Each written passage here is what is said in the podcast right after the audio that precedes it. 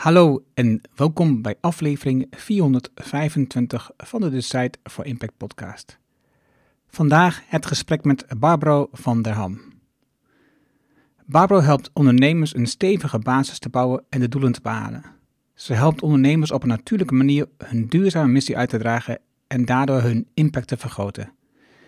Het is haar missie om groene ondernemers te ondersteunen bij het vergroten van hun maatschappelijke impact door ze te helpen financieel gezond te worden en hun natuurlijke ondernemerskracht te ontwikkelen. Ze spreken over de wereld van genoeg. Een heel mooi gesprek, met name over genoeg en over financieel gezond, over geld. Laten we beginnen.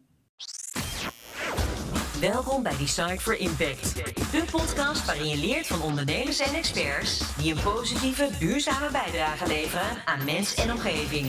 Met persoonlijke verhalen die je helpen om impactbesluiten te nemen voor jullie bedrijf.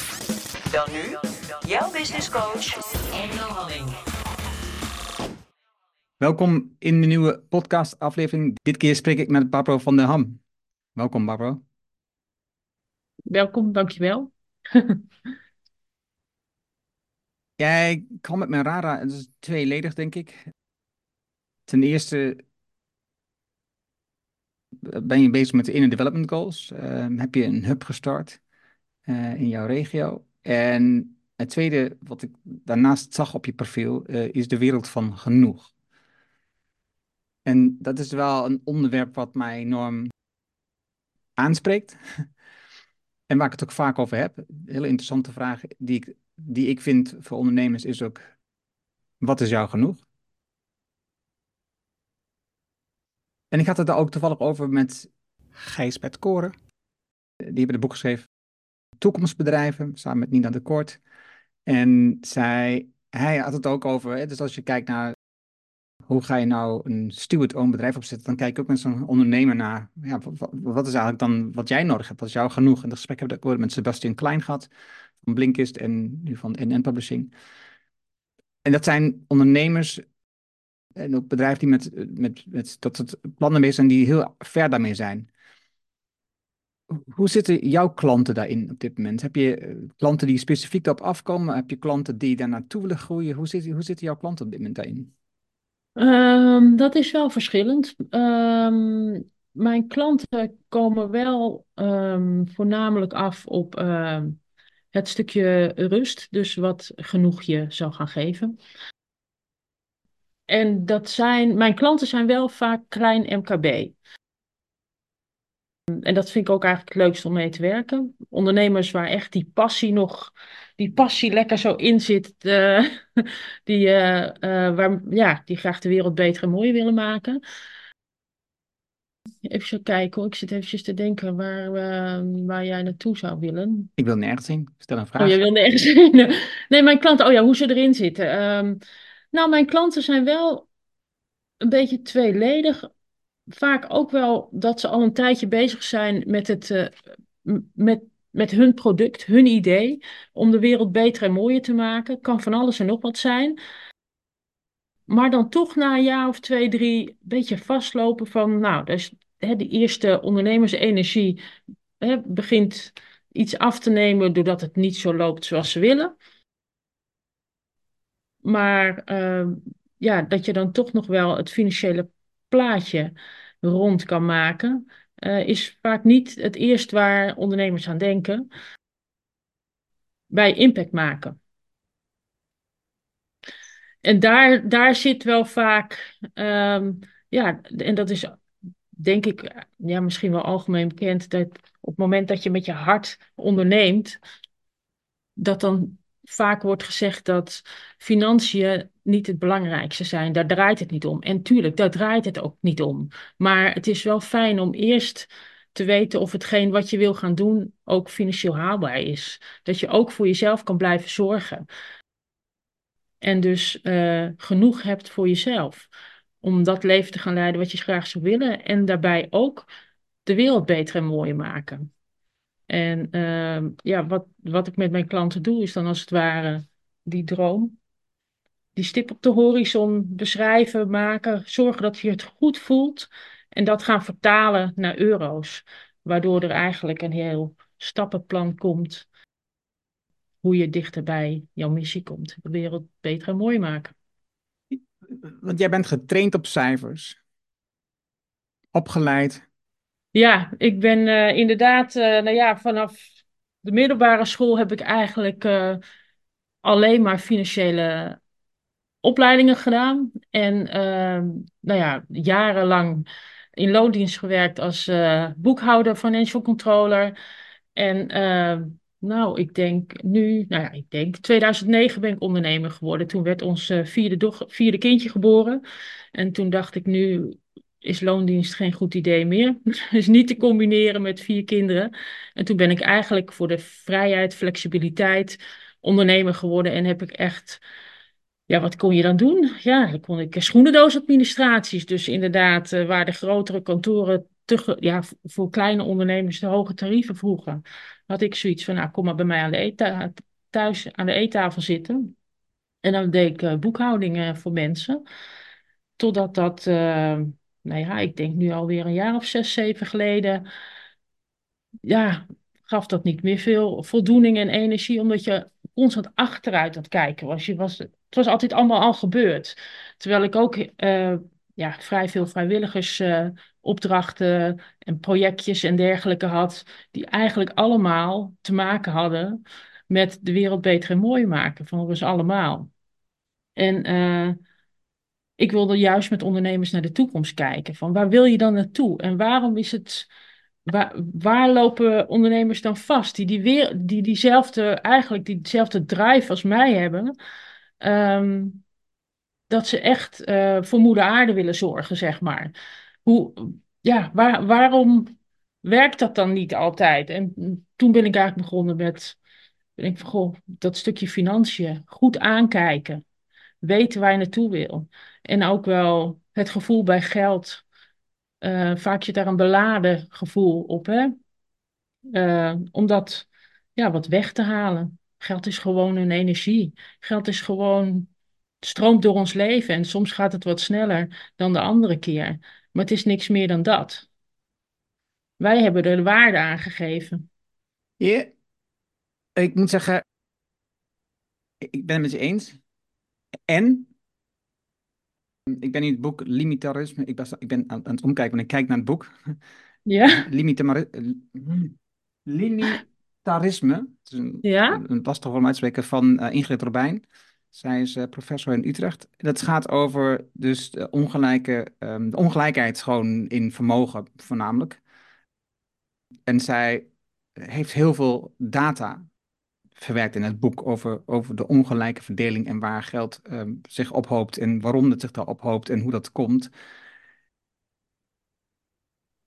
En ja, we hebben natuurlijk als ondernemer, zeker als ondernemer die impact wil maken, zie je vaak dat die mensen, uh, zoals ik zelf ook altijd erin zit, heel anders denken over geld dan nou, de meeste mensen in de maatschappij, laat ik het even mm -hmm. Ja. En, en dat wordt dan ook vaak heel vreemd gevonden. Je wordt vaak vreemd aangekeken van, uh, nee, je moet er gewoon meer verdienen, je bent meer waard en waarom doe je dat nou zo? Want uh, als ik naar je kijk, dan ben je veel meer, ik krijg dat heel vaak voor de voeten geworpen, dat, ik, dat ik niet verdien wat ik waard ben. Mm -hmm. En, en ze bedoelt dan voor duidelijkheid dus economisch, dat ik e-, economisch ja. waard zou zijn. Maar als je dan dat boek leest, denk je ook, het is ook tot Jan 6 zo ongelooflijk oneerlijk verdeeld. Dus als we kijken naar de wereld van genoeg, er zijn zoveel mensen die hebben zoveel meer, ongelooflijk veel meer dan ze nodig hebben, dan ze ooit nodig zullen hebben. -hmm. En dat, dat geld zouden, hè, ondanks dat geld um, soms sneller stroomt en soms langzamer, en dat het voor ons als individu, als ondernemer, klein ondernemer, een, een klein ondernemer, dat betekent tot, tot 50 medewerkers, hè? Dus de, ja, dat, dat je dan denkt, ja, hoe, hoe zit het geld in mijn leven? Maar die mensen die zo verdienen, die denken helemaal niet zo. Die denken echt totaal niet zo. Die verdienen zoveel geld. Die, die blijven maar doorkijken hoe kunnen ze nog steeds meer geld. Dus bijvoorbeeld belasting ontwijken, omduiken. Geld op andere plekken sluizen op, maar zo min mogelijk belasting betalen.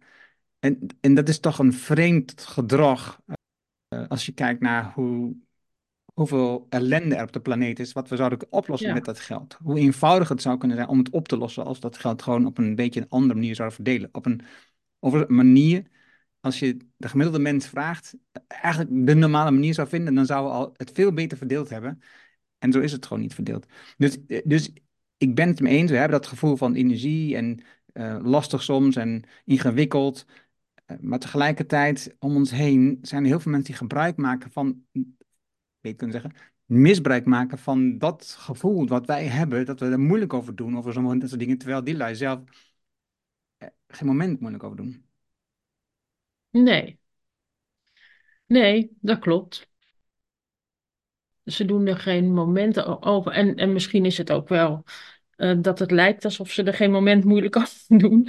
Ik, maar dat heeft dan wel uh, hè, ik ben even aan het zoeken. Mijn, mijn eerste gedachte is eigenlijk. En dat, dat gaat puur over macht. En uh, het individu zelf. Ik, ik, ik. Terwijl de andere kant is zorgen voor elkaar. Er zijn voor elkaar. Zorgen dat iedereen een goed en gelukkig kan, leven kan leiden. Daar dat is eh, een mindset ding. Eh, voor mij in ieder geval. Beseffen dat, de wereld, dat, dat jij in je eentje uh, niet de belangrijkste is op de wereld. Dat je het met elkaar doet. Dat je voor elkaar zorgt. Voor de mensen die het minder hebben of het even niet kunnen. Ja, dat is hetgeen wat bij mij direct naar boven schiet als jij dit zegt. Word niet boos op die mensen die zo zijn. Maar ergens zit er een soort idealisme in mij. Wat zoiets heeft van ja, eigenlijk best zielig. Dat je echt alleen maar aan jezelf denkt. En denkt hoe, hoe meer ik heb, uh, hoe beter het met mij gaat. Maar dat is helemaal niet zo. Want uiteindelijk gaat het dan met, met, met alles en iedereen om jou heen. En uiteindelijk ook de planeet. Helemaal niet goed. En daar ben je zelf dan ook de dupe van. Ja. Dus. En daarin is inderdaad, wat, als je dan zegt geld. als je het over geld hebt. Ja, dat, het, van, het is dan wel een energie, hè, daar haak je dan op aan. En het is een beladen ding, maar dat, dat komt omdat, omdat wij daar ook wel een bepaalde macht aan hebben gehangen. Ja, ja. En, en het is natuurlijk ook dat we dat ook blijven accepteren met elkaar allemaal. Ja. Er komt gelukkig wel steeds meer, zie je, dat mensen dat niet meer accepteren, maar het, het gaat heel langzaam. Ja, ja. Ja. Ik ben zeer benieuwd. Uh, jij bent, daar kom je vast nog meer op terug. Ja. Het onderwerp houdt me op dit moment enorm bezig. uh, en dus het, dus ik, ik, kan het niet loslaten, maar het komt vast terug. En jij um, hebt op een bepaald moment ook het programma gevolgd van Profit First. Ja, klopt. Ik heb het boek ook gekocht ik vond het een fantastisch verhaal. Ik, ik heb het nog recent weer uh, ondernemer geadviseerd, een internationaal ondernemer, die dat ook nu oppakt en daardoor meer orde op zaken krijgt. Wat was voor je, want je was natuurlijk gewoon boekhouder, controle. Je was natuurlijk gewoon, je het al jaar, maar wat was voor jou de reden om aan de slag te gaan met Profit First? Voor mij was het de reden om met Profit First te gaan werken, was uh, omdat ik gewoon bij heel veel ondernemers zag dat, dat die controle op hun geldstromen er absoluut niet was. En überhaupt inzicht wat geld betreft ook niet. En toen, even kijken, nou, de naam Profit First past dus eigenlijk, als je het zo zegt, hè, het brengt namelijk altijd zoiets van bar en Profit First, dat past toch helemaal niet bij jou. Maar wat dat betreft, inderdaad, daar gaat het ook niet om. Het, het gaat erom dat je eerst voor jezelf zorgt, eigenlijk. Dat, dat hè, jij als ondernemer, dat je, dat je eerst voor jezelf zorgt. En um, vanuit daaruit gaat kijken of je inderdaad ook uh, je, je, je bedrijf financieel gezond hebt, zeg maar, kan maken. Met, met ook de waardering voor jouzelf daarbij. Um, en dat betekent, en als ZZP'er of als zelfstandige, uh, in ieder geval als uh, bedrijf als uh, eenmanszaak is, dan heb je winst te maken om voor jezelf te kunnen zorgen. Want je betaalt uit je winst je salaris. En ik had toen, de reden dat ik met Profit First ben begonnen, is dat ik echt zoiets had van yes, nu kan ik mijn ondernemers, zoals ik ze dan noem, mijn, mijn groene idealistische ondernemers, grip geven op op die cashflow, op, op die kaststroom, op dat geld. Er komt veel meer inzicht van, goh, wat heb ik dan voor, voor mezelf nodig? Ik heb tientallen ondernemers gezien die zo gepassioneerd waren over hun product, maar uiteindelijk na een jaar, anderhalf jaar stuk liepen, omdat ze gewoon hun, hun, niet goed voor zichzelf konden zorgen. Maar ja, als je niet goed voor jezelf kan zorgen, kan je al helemaal niet goed, goed voor een ander zorgen. Dan zal jouw missie dus nooit bewaarheid worden. En dat was eigenlijk voor mij voornamelijk de reden dat ik dacht, hé, hey, nu heb ik een tool om, om ja, inzicht en grip op die cijfers te geven. Wat betekent het dan? Dat het iets dichter bij elkaar kwam of zo. Uh, dat was, ja, dat was wel uh, echt zoiets van, yes, nu heb ik iets waar ik mensen mee kan helpen. Om, om, om, om meer ja, dat, dat cijfermatige stuk te omarmen, zeg maar. Maar die dubbelheid zit er natuurlijk wat je al schetst natuurlijk in. Hè? Dus het is profit first, eerst voor jezelf zorgen. Waar we het net over hadden, die mensen zorgen heel erg voor zichzelf. En uh, schade daarmee, de, dus die, die ontzettend rijk mensen, en schade daarmee de, de toekomst van andere planeten, van, van de mensen, de dieren. En toch is ook weer profit first, gaat het uiteindelijk, het is natuurlijk ook een Amerikaans systeem, weer om eerst voor jezelf zorgen. En natuurlijk is het zo je moet overleven. Je moet voldoende eten hebben. Je moet een dak boven je hoofd hebben. Dus, dus je moet de zaken, de, de, de, het, het fundament, zeg maar, moet georganiseerd zijn. Als dat niet georganiseerd is, wordt het heel ingewikkeld. Ik weet dat ik ervoor uh, deed mijn vrouw vraag eh, de boekhouding voor mij uiteindelijk. En dat is altijd gedoe. Veel, veel dingen had ik weer niet. Moest ik het dan plaats van het eind van het jaar opzoeken en zo. En uh, zij weer boos op mij dat ik dat dan niet verzameld had. Ik dan boos op haar dat ik er nu om achteraan moest. Er levert al heel veel gedoe op topman. Ik ben overgeschakeld op Profit First en tegelijkertijd op Moneybird. Ehm, waardoor ik eigenlijk alles heel eenvoudig zelf kon doen. Ja. Ik verstuur niet heel veel facturen. Ik koop ook niet zo heel veel. En dus heb je heel, niet zo heel veel boekingen die je doet. En is het gewoon heel eenvoudig bij te houden. Waardoor je dus eigenlijk gewoon veel meer inzicht hebt ehm, hoe, het, hoe, het, hoe je dit continu voor staat. Hoe je cashflow is. Dat je ook eigenlijk altijd bij bent. En op het moment dat je dus het jaar afsluit, is eigenlijk ook bijna mijn boekhouding al klaar. Uh, Ik hoef alleen een paar, op een paar jaarrekeningen en dan is het gewoon voor mijn vrouw dan. En dan is het gewoon klaar. Dan kan ik de boel versturen. En dan uh, hebben we een jaarrekening van onze boekhouder die ook met Moneybird werkt. Dus het, het was voor mij zo'n vereenvoudiging en tegelijkertijd een um, inzicht. Uh, want de meeste ondernemers zeggen, ja, ik heb, ik heb daar een hekel aan, is het eerst ook uitbesteed. Maar als je, als je het eenvoudig houdt, dan is het eigenlijk niks om een hekel aan te hebben. Nee, het, ja, en dat, dat, is, dat is best een beetje gek, hè? Maar wat je al zegt, op het moment dat je erin verdiept en, uh, en ziet wat er bij jou binnenkomt, wat er, hè, en waar je het aan uitgeeft, ook daarin kan jij die wereld beter en mooier maken. Wat voor opdrachtgevers heb je? Dat vind ik namelijk een, een, een, een tweede, ja, hele mooie, mooie, daar vind ik een tweede mooie, en voornamelijk de potjes, zeg maar, uh, een mooie tool voor, om echt te zien, waar gaat dat geld dan naartoe? En dat je, doordat je het aankijkt, ook hele mooie keuzes kan maken van voor wie, uh, waar, waar wil ik mijn geld naartoe laten stromen? En daarin kan het echt zoveel waarde en impact geven aan, uh, aan jouw missie. Doordat je inzichtelijk hebt van hé, hey, die grote hoop die binnenkomt, die wordt dan verdeeld in die potten. En ik kies ervoor, nou ja, om belasting te betalen. Daar worden we met z'n, uiteindelijk met z'n allemaal beter van, als het goed is. Hè? Als, dat, als het aan die kant ook goed gaat. Dat doe je dus, ja, dat klinkt altijd oud hè, als je gaat betalen. Maar aan de andere kant, als je er kijkt wat we ervoor terugkrijgen, is dat natuurlijk heel mooi. En mag je eigenlijk trots zijn als je belasting mag betalen. De, de naam is zo verkeerd.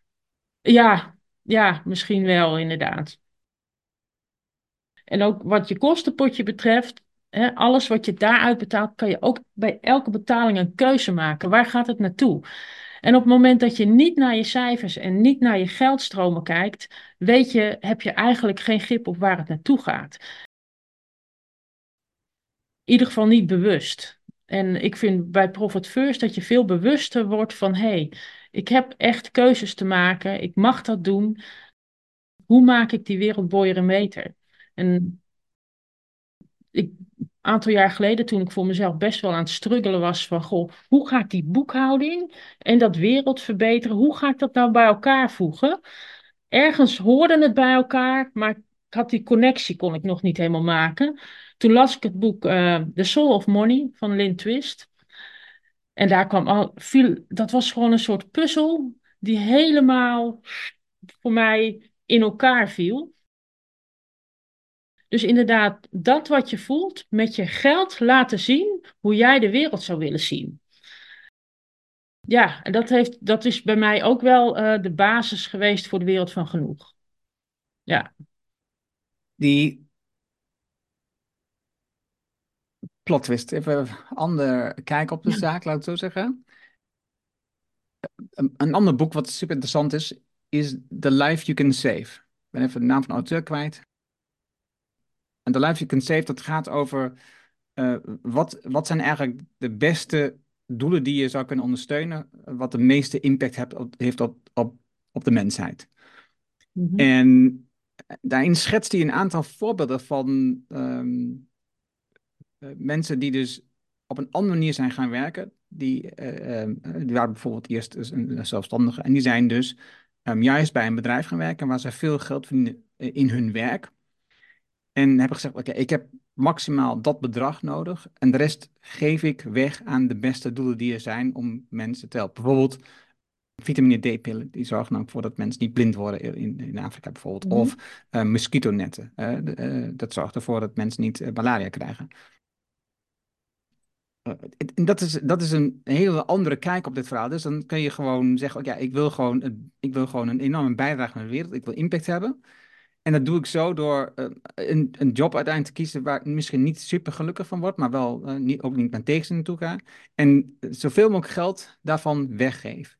En mm -hmm. ik zag gisteren een documentaire um, van Tegenlicht, VPO Tegenlicht. En dat ging over de burgemeester in, van Graz in Oostenrijk. Ja.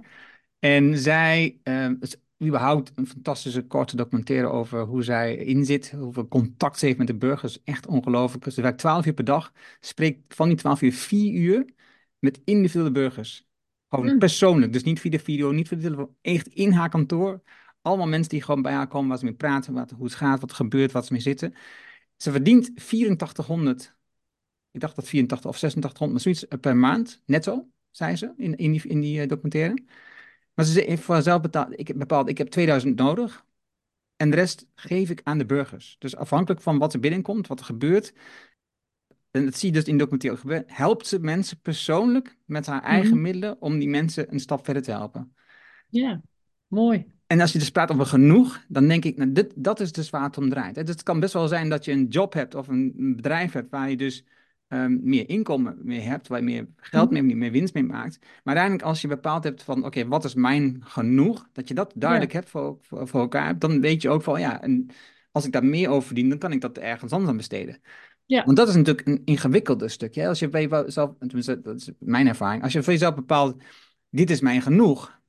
En, maar wat doe je als je dan zoveel verdient? Verschuift dan dat genoeg of zeg je nee, ik ga ja. het weggeven?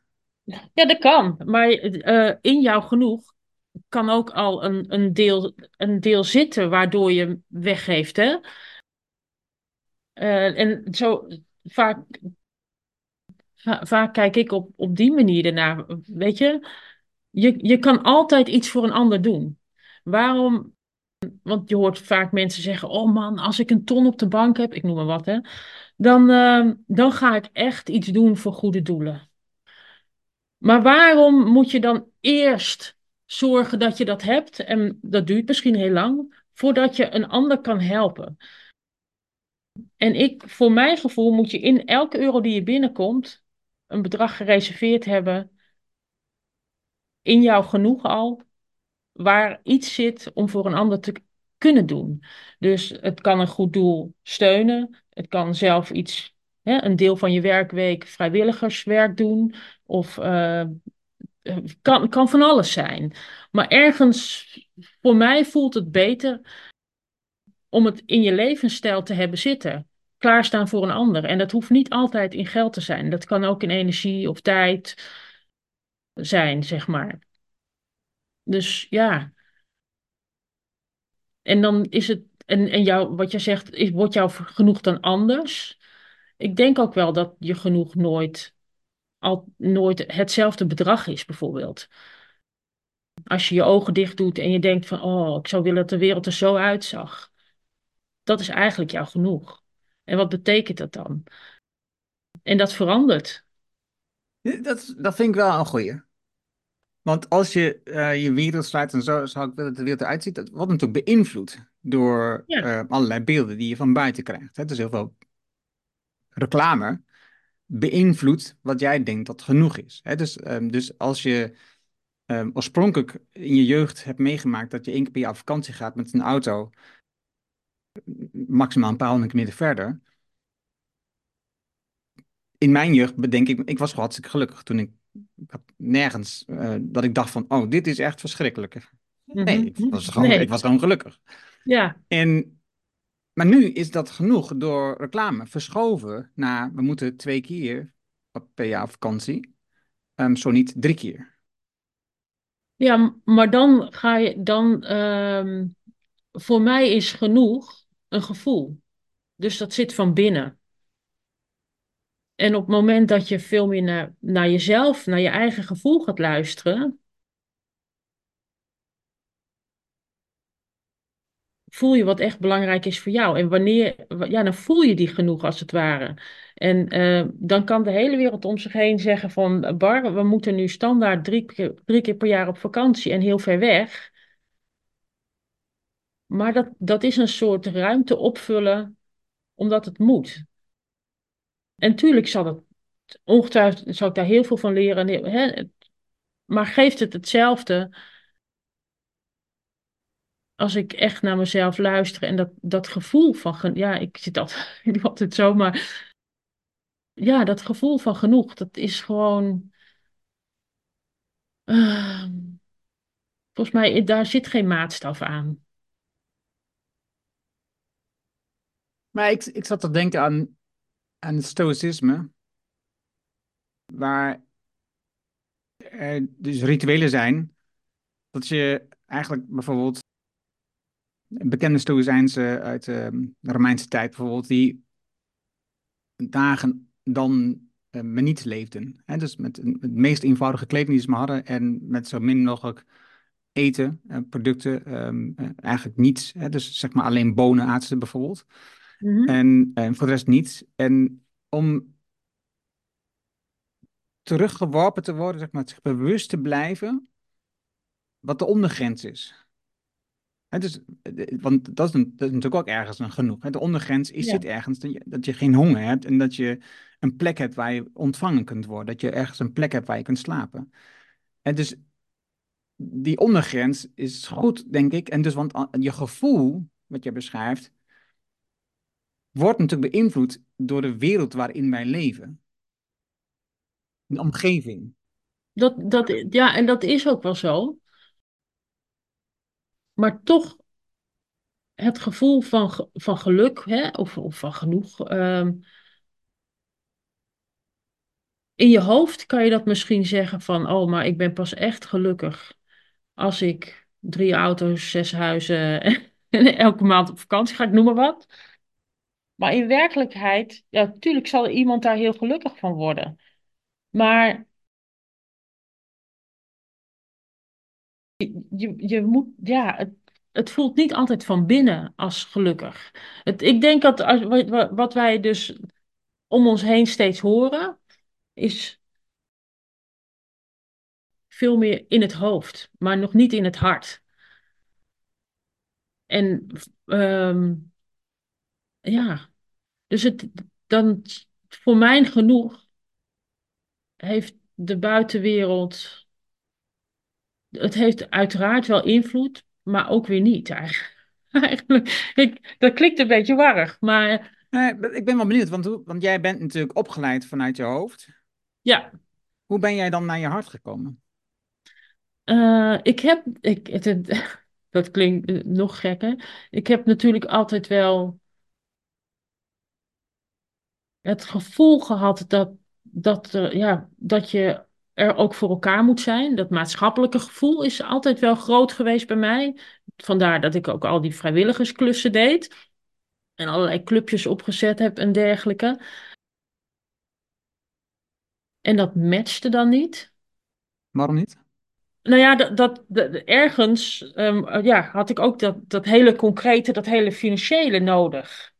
Eh, daar ben ik vanaf gewoon, hup, middelbare school, hup, dat ging ik doen. Klaar, leek me leuk. Ook weer ondernemers helpen, mensen helpen om een, eh, om een beter en fijner leven te hebben, en gezonder te leven. Daar heeft het altijd wel mee te maken gehad. Het ook wel echt wel met gezondheid, eh, ontspannen leven. Ehm ik heb eh, ja, lekker puur en eerlijk was altijd mijn slogan. Qua, qua voedsel, maar ook gewoon qua, qua wie ik ben, zeg maar. Gewoon transparant, eerlijk, puur. Ik merkte ook wel in dat hele financiële stuk dat je, ondanks dat ik, met die, dat, dat ik mensen inderdaad aan het helpen was, zit er ook ben ik bijvoorbeeld daarnaast een coachingsopleiding gaan doen, life coaching. Omdat er, je ziet dat mensen tegen zichzelf aanlopen. Nou ja, bepaalde blokkades, belemmeringen, gedachten over geld bijvoorbeeld. Maar ook de gedachten die anderen jou opleggen, wat niet, jij, niet jouzelf is. Of zo voel je het zelf niet. Maar eigenlijk wordt je het opgelegd of, of door dingen uit het verleden. Dus ik ben daar ook een life coachingsopleiding naast gaan doen. En nu combineer ik het bij. Dus kan ik voor mezelf, heb ik het financiële stuk eh, voor de ondernemers. Maar je ziet ze ook struggelen en vastlopen. Dat je ze daar ook weer doorheen kan helpen. Eh, is dat antwoord op jouw Hoe vraag? ben je tot je hart gekomen? Hoe, ja, hoe ben ik tot mijn hart gekomen? Ja, ik, dat is wel eh, nou, echt wel persoonlijke ontwikkeling geweest. Stilstaan, veel de natuur in. En dan echt dat gevoel niet meer onderdrukken, maar daar ook naar luisteren. En het is nooit geweest dat, nooit geweest dat ik alleen maar met mijn hoofd bezig was. Ah, wel veel natuurlijk als je, als je Ja. met cijfers bezig bent. Nee, ja, echt wel, eh, wel veel ook. Ook wel eh, voornamelijk met je hoofd gewerkt. Maar ergens kwam er een aantal jaar geleden, inderdaad, dat is wel een jaar of acht geleden, misschien iets langer zelfs. Dat ik wel heel erg veel, heel druk was, ook met kinderen. En, eh, en het ondernemerschap. Ik zat ook nog in de gemeenteraad. Want ik wilde zo goed bij, zo graag bijdragen. eh, met al die clubjes en dergelijke. Dat ik daar dacht van, hé, hey, dit kan niet allemaal bij elkaar. Hier moet ik iets mee. Eh, ik moet mijn grenzen aangeven. Wat, wat vind ik eigenlijk belangrijk? Want ik kon, voor mijn gevoel kon ik niks opgeven. Want alles wat ik, al die ballen die ik deed, waren belangrijk voor mij en zijn het nog steeds. Maar nu heb ik het een soort van vervlochten door elkaar. En eh, past het gewoon wel, het past allemaal wel. En om daartoe te komen, om dit allemaal bij elkaar, in elkaar gevlochten te hebben, het en het passend voelt, is echt die persoonlijke ontwikkeling eh, echt wel, ja, dat heeft er wel mee te maken gehad. Dat is wel de basis geweest. En dat is wel echt tijd voor jezelf nemen, luisteren en voelen wat voor jou belangrijk is. Dus ik begin meestal mijn dag met een wandeling, wandeling buiten in de natuur. Want wij komen vanuit de natuur. Dat is ons huis. Daar voelen we ons veilig en daar komen we tot onszelf. Dus eh, ja, ja. Dus dat is wel heel belangrijk voor mij. Nou, nou, realiseer ik me ook, in zover je kunt spreken van echt, echt realiseren, uh, dat wij een, een voorrecht hebben. Dat we dit kunnen. Dat we, uh, jij en ik, maar mensen om ons heen ook, dat wij die keuze kunnen maken. Dat we de ruimte hebben om dat te organiseren. Er zijn natuurlijk heel veel mensen die, het gewoon, die die ruimte totaal niet hebben. Die even moeten zorgen dat ze gewoon twee, drie banen moeten hebben om rond te kunnen komen. Die, die, die zien ook geen uitweg. Dus dit is, het, is, het is wel ook enigszins een bevoorrechte positie die we hebben om dat voor elkaar te krijgen en daar op die manier om te gaan. Hè? Dat je de keuzevrijheid hebt gecreëerd om voor jezelf een baan op te geven en voor jezelf te beginnen. En, en uiteindelijk uh, elke ochtend uh, de vrijheid hebt om een wandeling te maken, bijvoorbeeld. Ja. Het doet niets af, hè? Dus, het is geen oordeel, maar dat is wat ik zelf ook zie. Het is, het is het is ook soms eenvoudig praten vanuit, die vanuit onze positie, wat dat betreft. Uh, ja. Maar goed, ik, ik, ik hoop dat ik nog steeds compassie heb voor uh, dat stuk ook. Je had het over jouw eigen ontwikkeling, het stilstaan. Wat heeft er in de development goals, hoe trokken jou die aan? Wat, wat, hoe, hoe kwam dat op je pad? De Inner Developer heb ik, nou ja, vorig jaar uh, rond oktober, toen volgens mij zijn ze ook uh, bekendgemaakt. Hè? Um, toen las ik er iets over en dacht ik, oh interessant, eigenlijk ben ik daar al onbewust heel erg mee bezig. Door dat, door dat stuk coaching, wat ik, hè, dat, die live coachings op, uh, die ik gedaan heb, natuurcoach ik ben nu meer aan het live coachen in de natuur, zeg maar. Dus ik, pak, ik gebruik de natuur daar ook bij. En toen dacht ik, oh interessant, ik wil daar iets mee. Maar hè, dat zit dan even in je hoofd, zakt weer weg. En toen was ik, uh, ik denk mei of juni of zo, denk ik, daar ergens was ik in Utrecht bij een van de bijeenkomsten van, uh, van Inner Development Goals. En uh, nou, dan werd ik toch weer getriggerd van, hé, hey, dat is echt het, ergens het, het, het, transformeren van A naar B. Daar ben ik eigenlijk ook al mee bezig. En ook met dat binnenwerk. Want ik ben ervan overtuigd dat als je goed voor jezelf kan zorgen, maar dus dat je echt een fit bent, zowel fysiek, emotioneel, mentaal, maar ook spiritueel, dat je dan heel veel stormen aan kan. En die transformatie van A naar B, die tussentijd waar we nu in zitten, zeg maar, dat je, die, dat je jezelf echt nodig hebt en die ontwikkeling, die, waar ook ingesproken wordt natuurlijk, hè, ook bij de Inner Development Goals, die, die pijlers waar je aandacht aan zou moeten geven.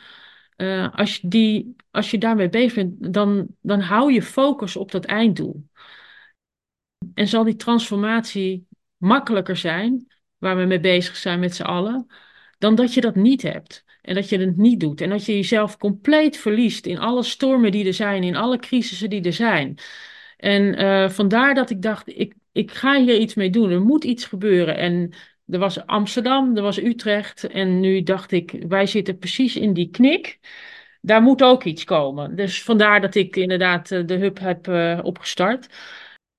Overigens nog niet heel erg veel meegedaan, maar na uh, oktober, afgelopen oktober, dat die, de grote bijeenkomst in uh, Stockholm was, ben ik niet geweest overigens. Maar volgend jaar staat hij op mijn agenda. Heb ik toch ook inderdaad wel wat mensen gesproken om uh, vanuit uh, 2024 wel echt wel, ook in deze regio mee aan de gang te gaan. Ja. Mooi. Ja. Dat, dat, en dat, gen... want je had het over het einddoel. Nee, ja.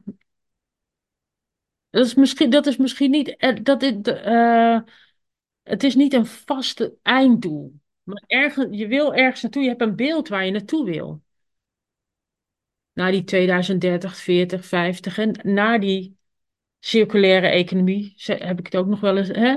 naar die goals die gehaald zouden moeten worden. Dat is het doel.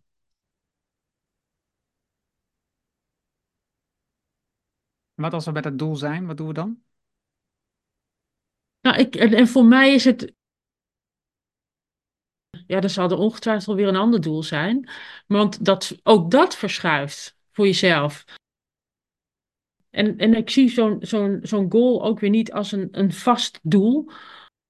Van nou, dan zijn we daar en dan zijn we klaar.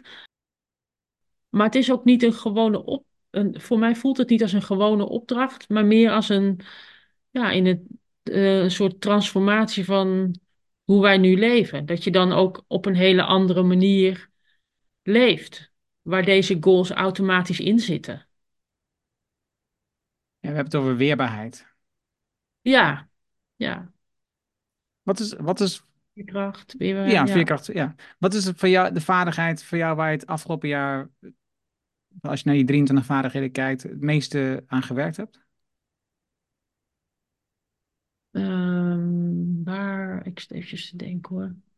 Waar heb ik zelf het meeste, ja, echt wel naar mezelf luisteren. Ik ben het afgelopen jaar vooral in beweging gekomen. Dus ook echt wel mijn eigen belemmeringen aangekeken. En uh, daar ben ik echt wel mee bezig geweest, ja. Ik heb heel erg in mijn hoofd gezeten. Uh, nou ja, heel erg in mijn hoofd gezeten en ook wel gevoeld hoe ik het eigenlijk, hoe ik graag zou willen werken, hoe ik de wereld zie. En ergens voelde dat al, altijd als dat is anders anders dan anderen het doen. Nou ja, goed, dat heb je met het profit first, het financiën met het, hè, het, het harde met het zachte combineren. Mensen kunnen jou niet in een hokje plaatsen, dat is altijd moeilijk. Daar krijg je altijd heel veel vragen over. En dat vond ik zelf ook moeilijk. Al voelde het, voor, voor mij voelt het heel normaal. En als vanzelfsprekend, maar blijkbaar voor heel veel andere mensen niet. En ik denk dat ik daar in het afgelopen jaar misschien wat meer geaccepteerd heb van, goh, ik mag ook naar mijn eigen gevoel luisteren. En dan ben ik dan misschien wel een soort van pionier. En moet ik aan die rol misschien ook wel wennen. Dat dat gewoon engig is. Wat is er eng aan? Nou ja, dat ja, zichtbaar, in, soort van in het licht gaan staan. Hè? Als we daar nu uh, vandaag uh, zo uh, de, de kortste dag hebben we net gehad. Hè? Dus uh, ja, in dat licht gaan staan, zeg maar. Het voelt ook wel heel kwetsbaar om te zeggen wat ik ergens van vind, wat mijn visie is. Mijn genoeg, hoe dat er dan uitziet. Wat is jouw genoeg? Mijn genoeg is. Um, gaat niet over getallen of cijfers, maar mijn genoeg is echt een gevoel. En dat gevoel, dat kan. Uh, dat, dat zit er. Dat is echt wel een soort van leven in een, in een, in een balans, evenwicht. Flow vind ik een beetje te modieus woord daarvoor. Dat moet ik heel eerlijk. Maar gewoon dat je je veilig voelt, je goed voelt. Uh, ontspannen. Echt op jouw manier de dingen doet. Zonder dat je daar een belemmering in voelt of dat je je tegengehouden voelt. Uh, dat het gewoon heel, een, heel comfortabel voelt. En dat zegt niet dat je nooit tegenslagen hebt of wat, hè, dat je daar niet voor kiest. Maar dat het wel echt wel heel erg voelt alsof je echt jij bent. Dat is, zo voelt mijn genoeg. zo voelt mijn wereld van genoeg. En dat mijn, de mensen om mij heen dat eigenlijk voor zichzelf ook allemaal voelen. En het is niet zo dat als ik zeg van mijn wereld van genoeg ziet er zo uit, dat die van mijn man precies hetzelfde eruit moet zien. Zo, wer zo werkt het denk ik niet. Je hebt voor jezelf een, allemaal een eigen beeld van hè, een soort van volle potentie leven. En daar past de ander in. Dat vult elkaar aan. Uh, voor mij zou het zo moeten zijn. Klinkt misschien enorm wollig, maar... Nee, we gaan, ik wil het nog even uitpakken. je zei het net al, je was uh, raadslid. Uh, ja. Twee keer zelfs. Uh, in de gemeente Bussum en um, Gooise Meren. Ja, dat is uit... natuurlijk overgegaan in het een en het ander ja, waarschijnlijk. Ja, klopt, dus, ja. met, de, met de herverdeling, hoe heet het? Herverdeling heet het toch, ja? Mm -hmm. Maar toch best wel lang, hè? Van 2014 uh, uiteindelijk tot 2022. Ja. Waarom, waarom dan daar ben je mee gestopt. Ja. En ik moet even het boek noemen van Marije van den Berg. Dat is een fantastisch boek, dat heet Stop. Eh, en dat gaat over dat je bewuste keuzes maakt om iets te stoppen, om een project, een, bezigheid, en wat dan ook te stoppen. En ik vind dat dus, ik vind dat dus heel mooi, dat je nadenkt over, het is niet alleen maar een to-do-lijst hebt, maar waar stop ik mee lijst voor jezelf maakt. Dat je nadenkt, eh, het is hier mee stoppen. En dat, dat heb jij dan gedaan. En ik zie dat, en ik ben benieuwd of je dat ook zo ervaart. Ik zie dat dus ook in die relatie tot die genoeg. Dat je nadenkt, wat is genoeg werk? Wanneer werk ik voldoende? Weet je wel? Wanneer, Mhm. Waar moet ik mee stoppen om uiteindelijk bij mijn genoeg uit te komen in plaats van altijd maar hard te werken, altijd maar eh, door, want je, je zei net al, het, het, het ging niet meer, daar kwam je achter. Ja. Hoe heb je dat ervaren? Want het is toch lastig om dan op een bepaald moment iets waar je al een tijd aan werkt, waar je hart in zit, eh, waar je veel relaties hebt, om dat dan te stoppen. Zoals raadslid zijnde. Ja, dat klopt. Ehm, ik ben toen eh, als raadslid zijnde ben ik gestopt omdat ehm, ik heel erg voelde dat dat mijn dat, dat dat niet de manier was uiteindelijk voor mijzelf om ik, ik vond mezelf niet goed uit de verf komen als raadslid. Eh, en meer om ik, ik ben het meest optimaal als ik me echt veilig voel waar ik niet het gevoel heb dat er aan mijn stoelpoten gezaagd wordt. Ik wil me veilig voelen en dan datgene uitdragen wat ik wil, mijn mening kunnen geven. Eh, en dat, dat is in de politiek en ook in de gemeenteraad is het gewoon best, best moeilijk. Want er zijn altijd partijen die het niet met jou eens zijn. En er zijn, hè, je krijgt snel al natuurlijk, eh, als je een bepaalde stelling neerlegt of iets, eh, een weerwoord of wat dan ook. En ik, daar ben ik helemaal niet zo van. Dus ergens was ik, ik had ook altijd de zachte kanten. Dus het sociaal domein, eh, duurzaamheid, dat waren mijn onderwerpen, zeg maar. Daar zitten ook zachtere mensen voor mijn gevoel. Die, eh, en, en ik vond de, de, eh, de vergaderingen altijd eh, enorm interessant. Ook de commissievergaderingen en dergelijke. Waar je echt een soort van overleg had met elkaar. Waar je punt dus nog niet hoefde te maken. Maar de gemeenteraadsvergaderingen zelf vond ik altijd lastig. Daar moest je je punt maken. Terwijl ik, ik heb voor mezelf nooit, ik, ik heb wel een bepaalde mening, maar als jij een andere ingang pakt en mij weet te overtuigen, dan ben ik ook heel makkelijk over te schuiven, zeg maar. Het gaat voor mij altijd om een soort balans. Ehm, dus ik hou nooit harstallig vast eh, aan iets omdat we dat met z'n allen bepaald hebben. Nee, als jij een heel goed, goed argument hebt, kan ik me ook heel goed voorstellen dat we dan naar elkaar toe groeien. En dat is in de politiek moeilijker, omdat je een partij achter je hebt staan, die hebben gezegd, nee, we gaan links. En dan denk je, ja, maar hm, nou, een stukje naar het midden is ook niet zo heel erg eigenlijk, want dan kan je dit en dat. En dan, dat voelt als een twijfelkont en een meeloper misschien, maar voor mij voelt het meer, eh, ja, dingen van verschillende kanten bekijken. En daar dan dus je standpunt soms aan aanpassen. En dat, eh, dus ik, ik vond zelf, ehm, en dat, dus, ik zit eventjes met de gemeenteraad, dat, ik, vond me gewoon, ik voelde me daar niet meer op mijn gemak. Het was niet mijn manier eh, om die wereld beter en mooier te maken. Ik had gedacht dat ik daar meer kon doen, maar uiteindelijk, voor mijn gevoel, misschien zegt een ander iets anders, maar ehm, was dat niet mijn plek. Ik, ik ben meer. ehm, ehm, ik ben meer een doener, zeg maar. Mensen echt daadwerkelijk helpen. Ehm, aan de hand nemen of, of ondersteunen. eh, laten zien dat het anders kan. Eh, meer inspirator, denk ik dan, wat dat betreft. En als jij dan zegt van. Hè, jij gaf aan van, goh, ergens zei ik hè, een paar eh, minuten geleden, het ging niet meer. En daar, zit, daar is dan de balans zoek tussen hoeveel tijd je aan het ene besteedt en hoeveel tijd en energie je aan het ander besteedt.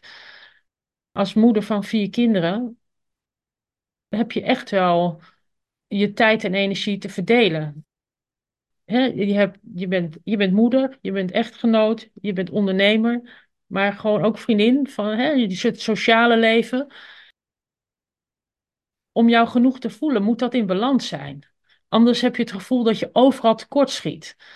Uh, en ehm, dat, dat knaagt aan je. Daar krijg je stress van. Dan voel je je teleurgesteld over jezelf eigenlijk. En uh, het moment waarvan, je, waarvan ik besefte, er moet iets gebeuren,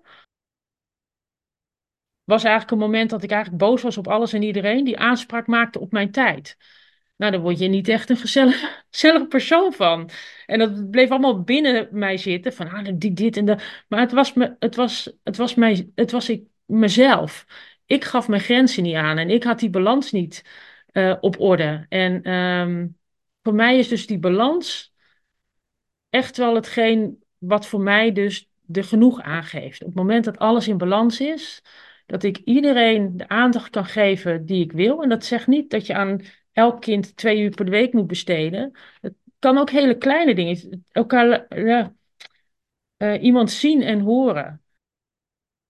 Hoeft, hoeft niet veel tijd te kosten. Als je op dat moment, in het moment met diegene bent. En aandacht daarvoor is. En dus ook voor je klanten. Dat is ook als je buiten in de natuur bent. Hè? Echt aandacht voor je omgeving hebben. Echt in het hier en nu leven, zeg maar. Ja. Die balans, daar gaat het voor mij om. Je zei het ook, dat je dus over dat het feit dat jij meer meegaand bent. Uh, ik herken dat overigens heel erg. Hè? Dus, uh, dus als iemand sterk argument voor iets heeft, dan, of als ik een boek lees wat ik denk, oh, dit is wel goed, dat is een goed idee, dan kan ik daar heel erg in meegaan en heel erg nadenken, ja, dit is, dit is, dit is wat ik wil, dit is wat ik een goed idee vind. En je zei daarvoor, had je het over dat je nu um, afgelopen jaar gewerkt hebt in je eigen zichtbaarheid, meer voor het staan, meer, dat je meer... En dan heb je natuurlijk een onderwerp gekozen, of niet, je hebt, niet natuurlijk, je hebt een onderwerp gekozen uh, van genoeg, wat uh, aan zich een vreemd onderwerp is op dit moment in de maatschappij. Dus als je daarvoor gaat staan, krijg je natuurlijk ook veel weerwoord. Uh, nou, ik, ja, daar ben je wel bang voor. Want je bent, ik vind dat je, het voelt heel kwetsbaar als je echt dat, ga, hè, dat zo de wereld in gaat brengen. Maar inmiddels voelt het ook alweer van, ja, maar jongens, dit is echt nodig om die wereld beter en mooi te maken. Om, om te zorgen, ik ben ervan overtuigd dat de wereld van genoeg echt wel een concept is, waardoor we gezonder en uh, ontspannender kunnen leven, allemaal. Uh, dus ergens die overtuiging van mezelf van ja, dit, dit is iets, dit is een concept, daar kunnen we wat mee. En dat kan op alle linies, als we overal voor genoeg gaan, hè, voor je eigen genoeg, of hè, voor wat voor jou genoeg is. En dan verdeelt het zich vanzelf bijna.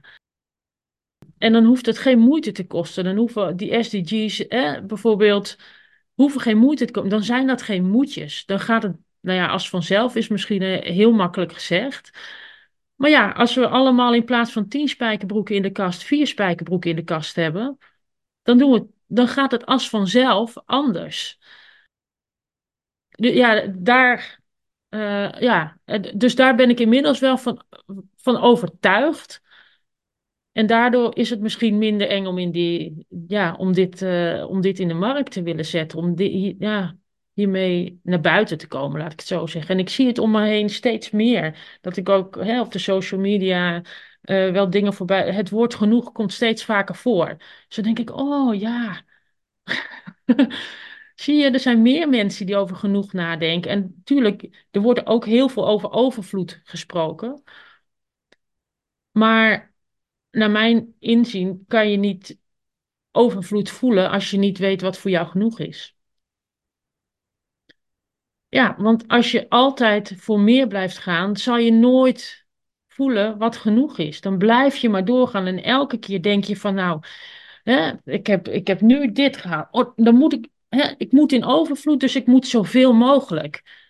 Maar zoveel mogelijk geeft echt niet de waardering en het, het gevoel, um, het, ja, soort van verzadigde gevoel, zeg maar. Als je niet weet wat, wat je eigenlijk nodig hebt. Wat je echt nodig hebt om gelukkig te zijn.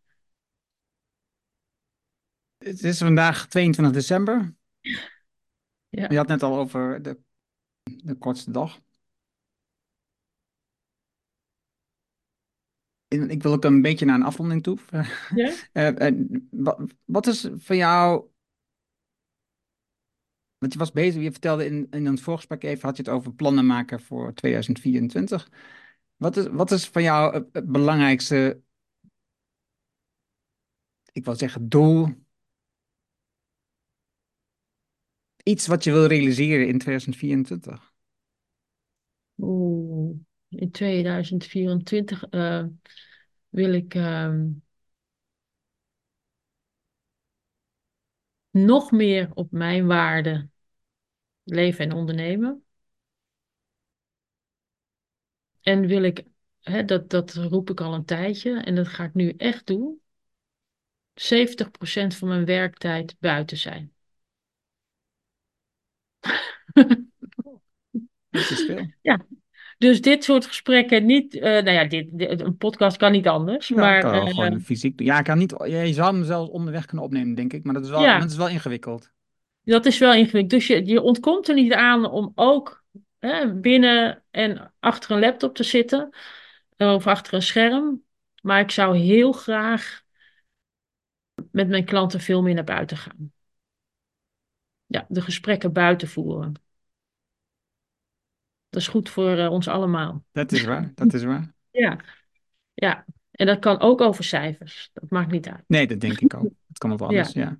En vaak is het nog wel fijn als je met elkaar, zo naast elkaar wandelend, buiten in het bos, op de hei. Dan, eh, dan kom je zelf, dan ben je zelf in beweging. Je gedachten komen in beweging. Dat gaat eigenlijk vanzelf. En lopen ja, dat voelt veel ontspannender om op die manier met elkaar overleg te hebben. Ook elkaar dingen duidelijk te maken. Dus ja, dat is wel mijn, eh, mijn doel voor volgend jaar. Nu, nu ehm, heb je het straks al gezegd, je wilt met de Inner Development Goals in, in jouw regio in 2024 aan de slag. Je hebt een aantal mensen over gesproken. En je bent met genoeg bezig in jouw regio. En jouw regio is de gooi. Het gooi. Ja, nou ja, goed. Weet je, eh, de Inner Development Goals, dat het zijn natuurlijk wereldwijd. Maar ik, inderdaad, ik wil met de hub aan de gang. eh, gooi, en vecht heb ik nog genoemd. De wereld van, genoeg is natuurlijk ook zo breed als je het maar kan pakken. Maar inderdaad, als je doelt op het gooi. ja, kan ik me voorstellen dat je denkt, hoezo? Nou ja, in ieder geval, ik kan me voorstellen dat je, dat je daar, ik wou zeggen, meer weerstand ervaart. Of je zou kunnen zeggen, minder aanhangers vindt. Nou, ik, dat vind ik op zich best wel grappig dat je dat zegt. Als ik het over genoeg heb en hetgeen wat ik doe, eh, zijn er echt best wel veel mensen die denken: oh ja, zo kan ik het ook bekijken. En die herkennen wel wat ik zeg in het vliegen, rennen, ook op het schoolplein willen staan. Eigenlijk het, het gevoel te hebben dat je overal tekort schiet, dat gevoel wordt wel heel, heel, echt heel veel herkend.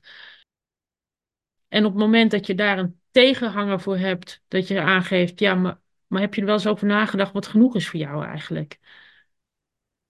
Want we gaan er altijd maar vanuit dat we een soort, vanuit een soort tekort, hè, alsmaar meer moeten doen en we moeten overal zijn. Maar op het moment dat je, het, dat je het neerlegt, lijkt het wel iets van, oh, daar heb ik nog nooit over nagedacht. Dus ik denk dat het misschien wel in, in dit stuk van Nederland meer dan nodig is. Ja, oh, oh, ja, Ja. ja, 100%. Ik ben het daarmee eens. Ik denk ook dat, zeker. Ja, Ja. En, en je ziet het natuurlijk ook bij, bij jongeren ook heel veel. eh, die echt wel eh, behoorlijk onder druk staan. eh, overal moeten het gevoel hebben dat ze moeten presteren en het beste moeten doen. Maar ja, genoeg kan ook. Ja, ja. Pablo, ik vond het een heel waardevol gesprek. ja ik vond het ook erg leuk, moet ik zeggen. Ja, Ik heb genoten en ook van je inzichten over. Want ik, want ik heb natuurlijk een hele andere. Nee, niet natuurlijk. Ik heb een hele andere visie bij. Stopwoordje van mij, natuurlijk. ik heb een heel andere visie bij genoeg. Of heel anders nu van anders. En eh, het is mooi om jouw visie te horen bij wat is genoeg. Dat het veel meer gaat over een beleving, over de balans, over het gevoel van binnen het hart. In plaats van dat je denkt, oh, het zijn zoveel euro's, um, het is zoveel uren werken. En ook de mooi wat je vertelde, dat je een heel mooi doel hebt gesteld, dat je 70% van je tijd buiten wilt besteden, waardoor je dus veel meer merkt dat je um, ook daarmee denk ik, ook uit ja, de schermtijd komt, uit de redrace komt, uh, in de ontspannen uh, uh, omgeving komt. Want je wandelt in de natuur, waardoor het vanzelf ontspannen wordt. Hè? Dus onderzocht, hè? als je wandelt in het bos, word je vanzelf ontspannender. En, um, en ook mooi dat je het komend jaar uh, met, met jullie hub, met de IDG Hub, de Inner Development Goals Hub, aan de slag gaat. Uh, want uh, ik ben daar een heel groot voorstander van dat we meer hubs krijgen die actief bezig zijn en meer mensen met, met het onderwerp betrekken. Uh, Dus, dus uh, nou, wat dat betreft uh, fijn om met je gesproken hebben, om daarover te hebben, om van elkaar te leren. En, en tot de volgende keer. Dankjewel. Ja, dankjewel. Ik vond het erg leuk om, om het gesprek te hebben, moet ik zeggen. Ja. Ja. Dat was het mooie gesprek met Pablo. Je vindt de namen en links die we noemden in het artikel dat bij deze uitzending hoort. Ga daarvoor naar de site voor impact.com slash show 425. Mijn naam is Erno Hanning en ik deel mijn opgedane kennis, ervaringen en expertise met jou. Ik coach ondernemers zodat ze besluiten nemen om een impact te groeien. Wil je vanzelf automatisch de volgende aflevering op telefoon ontvangen? Dat kan heel eenvoudig. Heb je een iPhone, dan zit daar standaard de Apple Podcast app op. Open deze app, zoek daar de Decide for Impact podcast op en klik op abonneer. Heb je een Android-telefoon, installeer dan eerst bijvoorbeeld de Player FM app. Zoek daar de Decide for Impact podcast op en klik op abonneer. Dankjewel hiervoor. Heb je vragen, opmerkingen, reacties over deze aflevering met Barbro of over de podcast in het algemeen? Stuur dan een e-mail naar podcast.decideforimpact.com. Ik hoor super graag van jou. Bijvoorbeeld een gast die je graag zou horen. Wil je leren hoe je focus en energie vindt met jouw innerlijke kompas? Hoe verbinding in je team het verschil maakt? Hoe je vertrouwen krijgt in je collega's en hoe je een moedig mens wordt? Download dan het boek Impact Besluiten waarmee je nieuwe medewerkers aantrekt op de site van impact.com. Dit is mijn nieuwste boek en je downloadt het daarom helemaal gratis. Je hebt zelfs geen e-mailadres nodig. Vraag jouw boek nu aan op decideforimpact.com. En ik weet, je hebt een volle agenda, je leest het in één avond uit. Dankjewel voor het luisteren en graag tot de volgende. Dankjewel voor het luisteren naar deze aflevering van de Decide for Impact podcast. Ga voor jouw volgende stap naar decideforimpact.com.